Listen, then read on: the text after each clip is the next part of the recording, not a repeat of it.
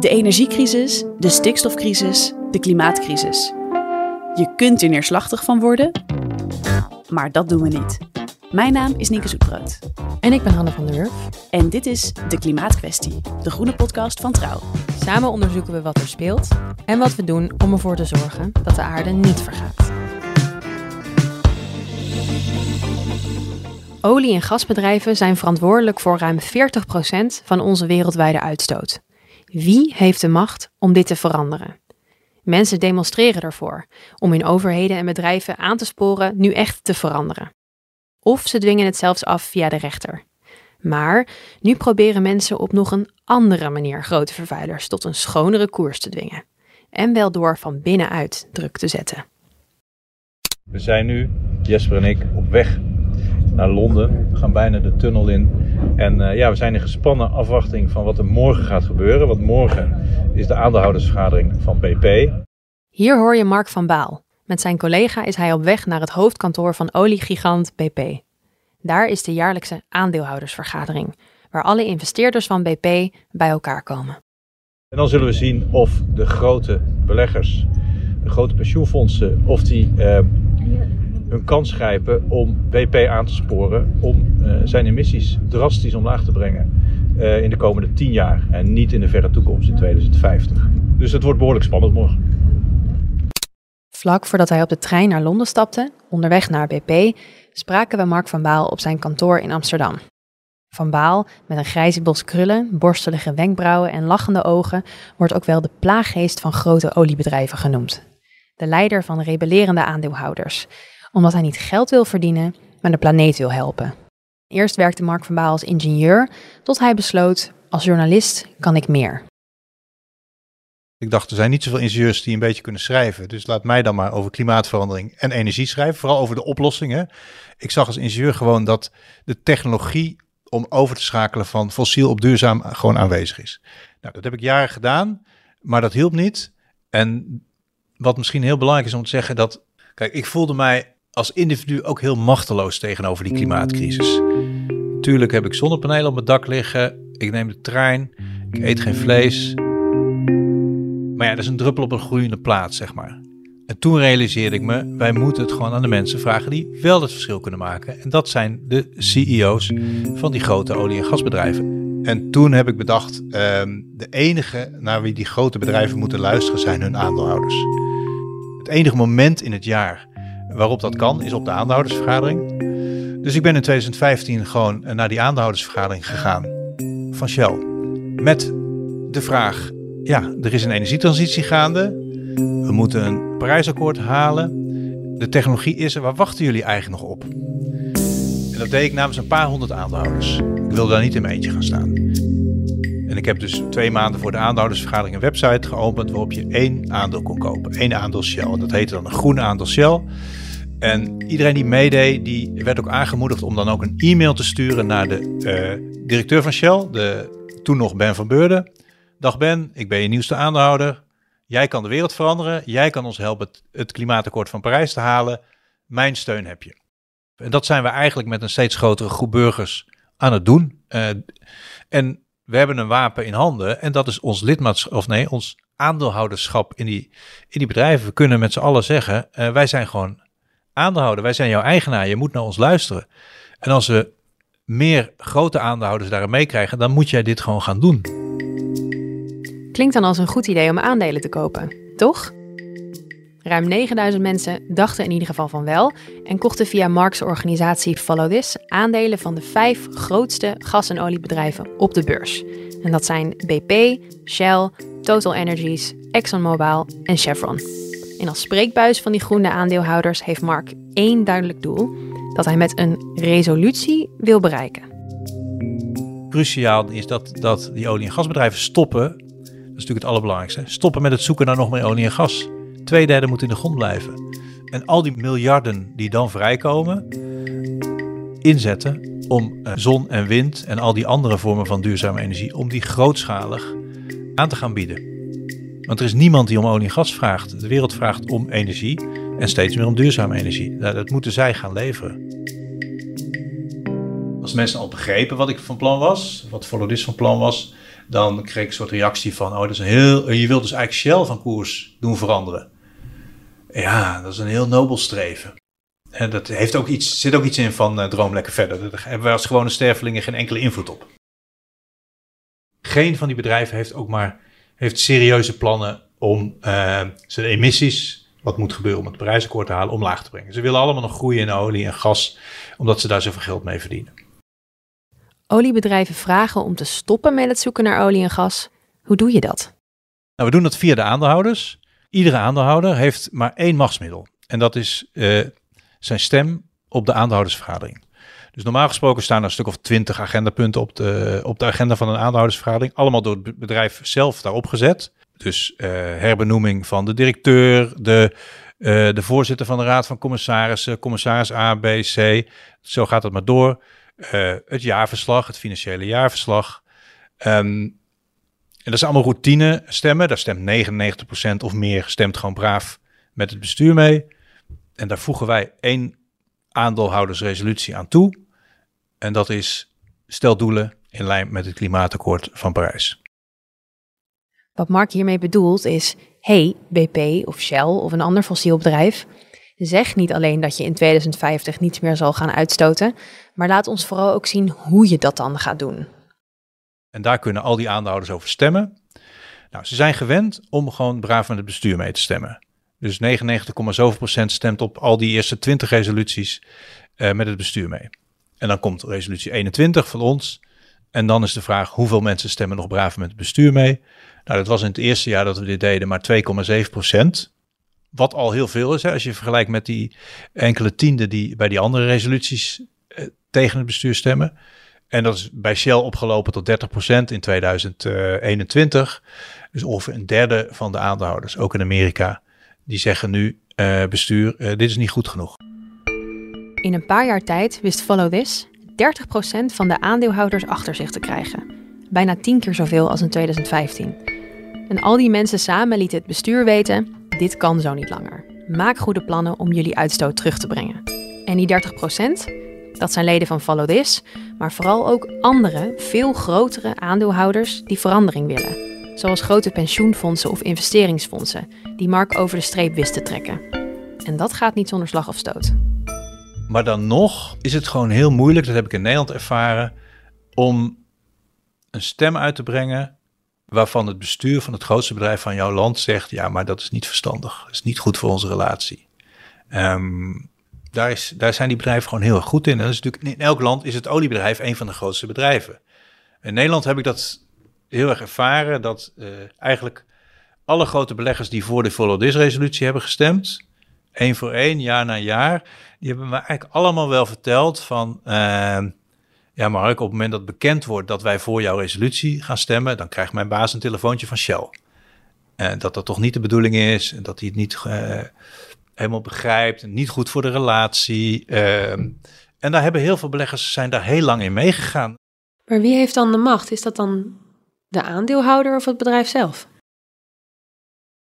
Nou ja, eh, dat is ook een gesprek wat ik heel vaak met die, met die beleggers heb gehad. Ik zeg, jullie zijn de eigenaar.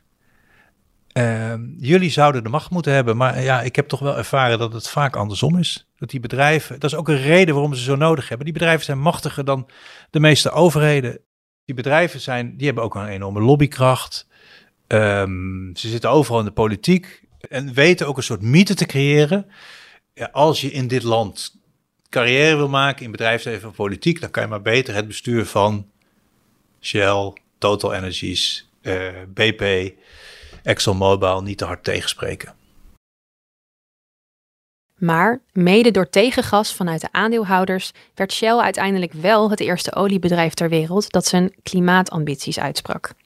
En dat zal het bestuur vast knarsetandend hebben gedaan, want de besturen van de olie- en gasbedrijven zitten niet altijd op Mark van Baal en This te wachten.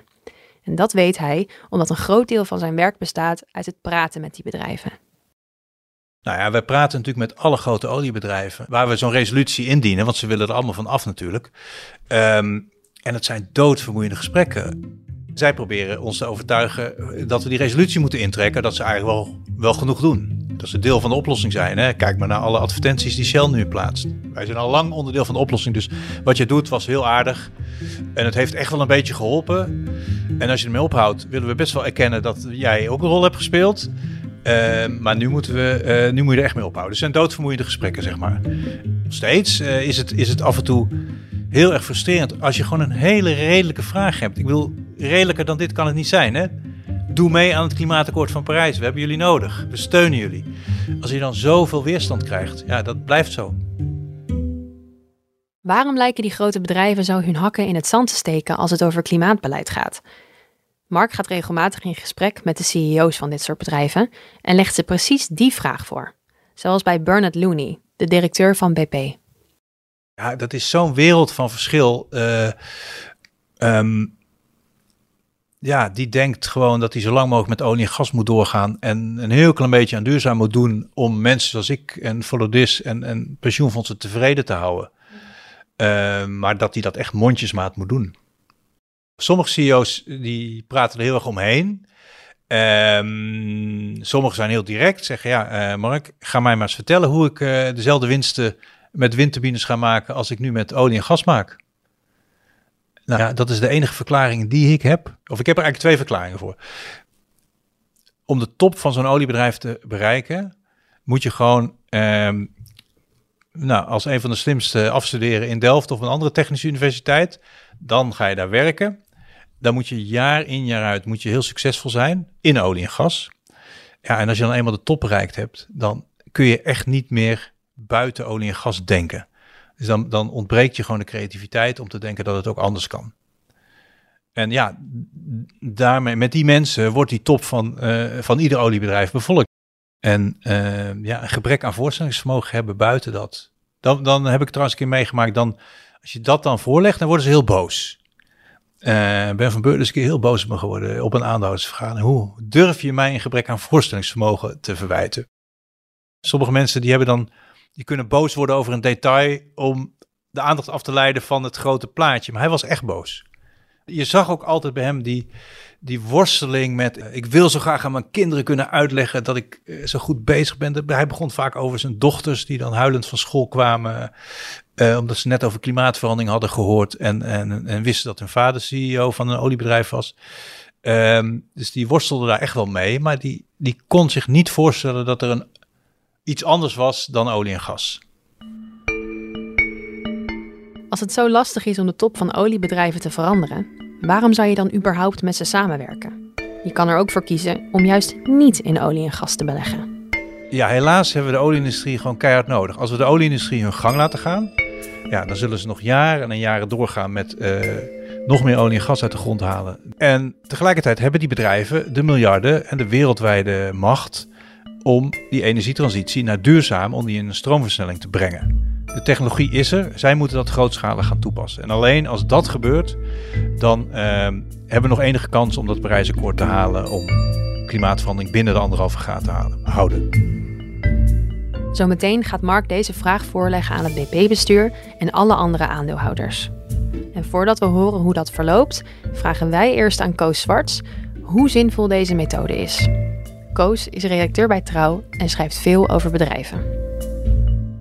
Veel van die uh, punten die op een aandeelhoudersvergadering worden besproken, worden daarna in stemming gebracht. En heel vaak is het zo dat uh, 99,99% dan het met het uh, bestuur eens is. Dus als je dan op een gegeven moment op een belangrijk punt het niet 99,9 is, maar 80 of 70 procent. En als er natuurlijk een paar grote beleggingsfondsen of pensioenfondsen bij zitten, dan moet zo'n oliebedrijf toch wel even denken van, oh, dit moeten we toch wel serieus nemen.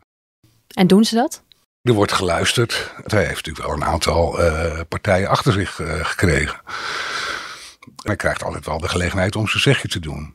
Dus in die zin wordt er echt wel naar hem geluisterd. Ze willen natuurlijk ook niet kantkoppen zien van uh, dat ze helemaal niet duurzaam zijn of zoiets dergelijks. Dus ja, het is aanhoren en een beetje beleefd zijn en misschien hier en daar dus net doen of je een suggestie overneemt. Of dat nou heel erg heel veel invloed heeft, dat vind ik heel moeilijk te zeggen. Wat je wel ziet is dat een paar Europese olie- en gasbedrijven zoals Shell en BP en Total wel wat meer aan verduurzaming doen dan uh, Amerikaanse bedrijven als uh, Exxon en uh, Chevron. Dat wel. Actievoeren is niet nieuw. Ook niet tijdens aandeelhoudersvergaderingen. Actievoerders richten zich meestal op één onderdeel van het bedrijf. Bijvoorbeeld dat het bedrijf meer moet investeren in zonne-energie. Maar wat uh, is, is natuurlijk echt bezig met, uh, met breed op te zetten om veel steun te krijgen. En ze willen echt het, de, de algemene politiek van een bedrijf uh, beïnvloeden. En niet alleen op één of twee onderdeeltjes. Want als je zegt, je moet je aan de klimaatakkoorden van Parijs houden, dan heeft dat de invloed op je totale bedrijfsvoering.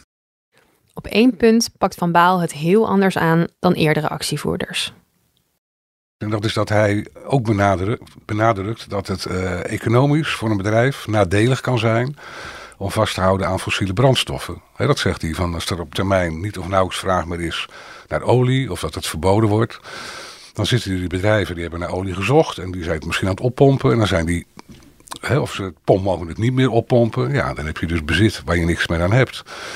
En een groot olieproject, dat is natuurlijk dat is een zaak van miljarden en miljarden. Dus hij praat echt de taal van het geld. Uh... Ja, maar goed, daar zit natuurlijk ook vaak de gevoeligheid van de aandeelhouders. Je zou misschien verwachten dat aandeelhouders de financiële belangen zien van afstappen van olie en gas. Toch stemmen de laatste jaren minder aandeelhouders mee met de resoluties van Follow This, mede door de energiecrisis vanwege de oorlog in Oekraïne.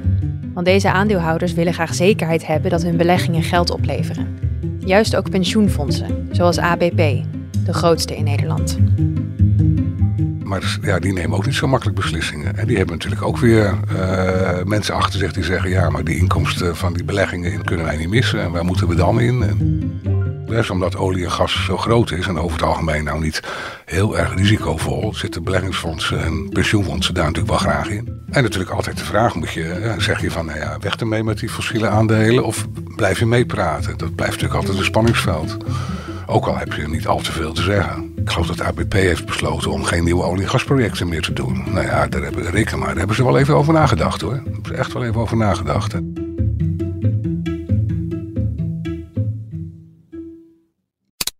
We staan voor de ingang van het conferentiecentrum. Ik heb net mijn speech eh, nog één keer hardop voorgelezen en ik heb nu al een droge mond. Dus kun je nagaan hoe het straks gaat.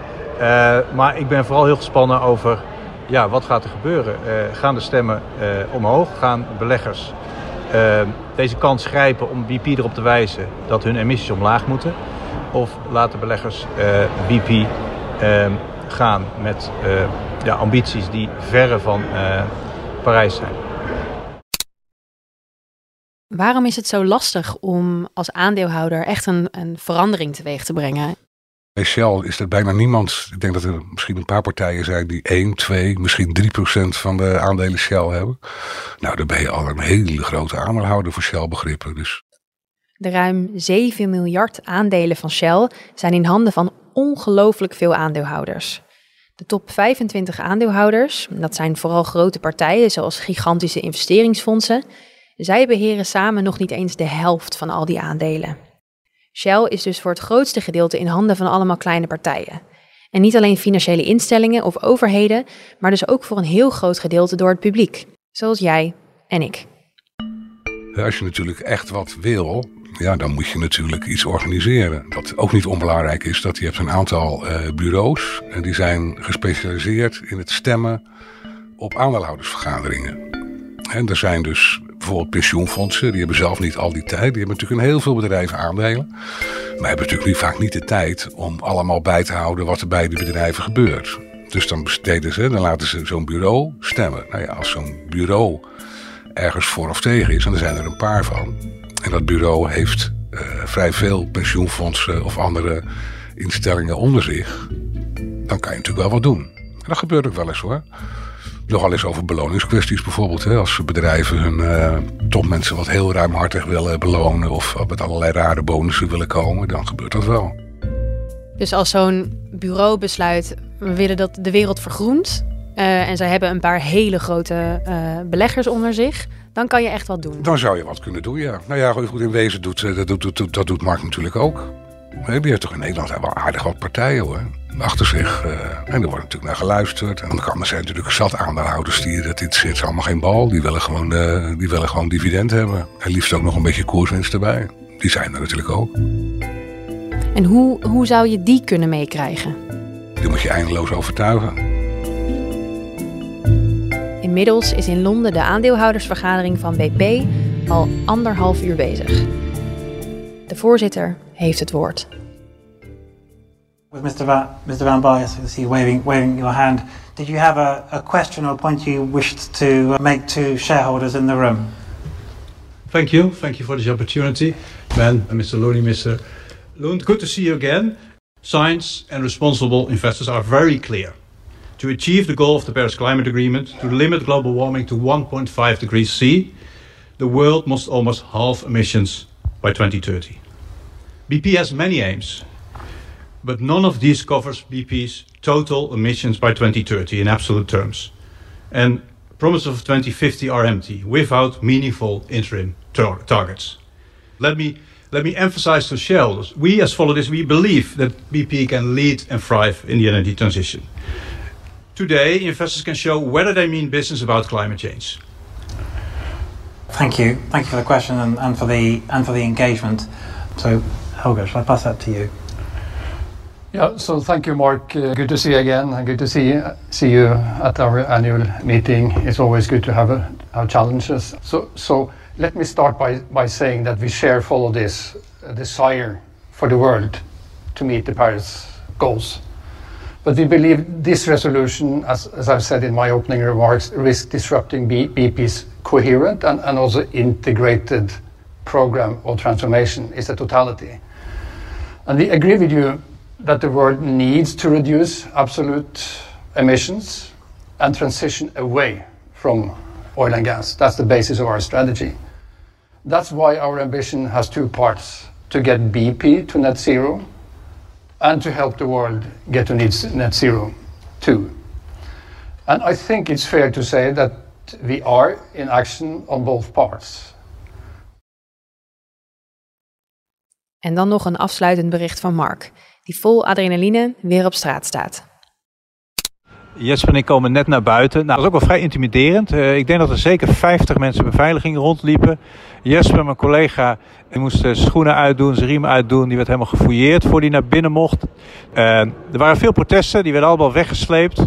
Drieënhalf uur duurde het. Vragen en antwoorden, vragen en meestal geen antwoorden. Uh, optrekkende bewegingen. Maar goed, wij hebben ons punt kunnen maken. Um, nou, de stemuitslag, het was 17%, meer dan vorig jaar.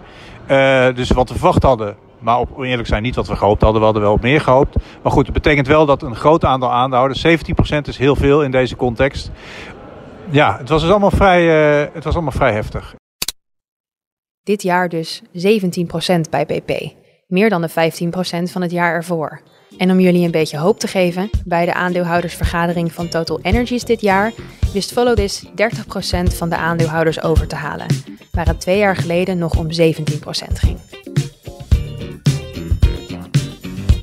Dit was de Klimaatkwestie, de groene podcast van Trouw. Kijk vooral in de show notes bij deze aflevering, want daar staan links naar relevante artikelen over verduurzaming bij bedrijven. Ontzettend veel dank aan Mark van Baal en Jesper Vaarwerk van Follow This en Koos Zwarts, Frank Straver en Maarten van Gestel van Trouw. Deze aflevering is gemaakt door Nienke Zoetbrood en mij, Hanna van der Wurf.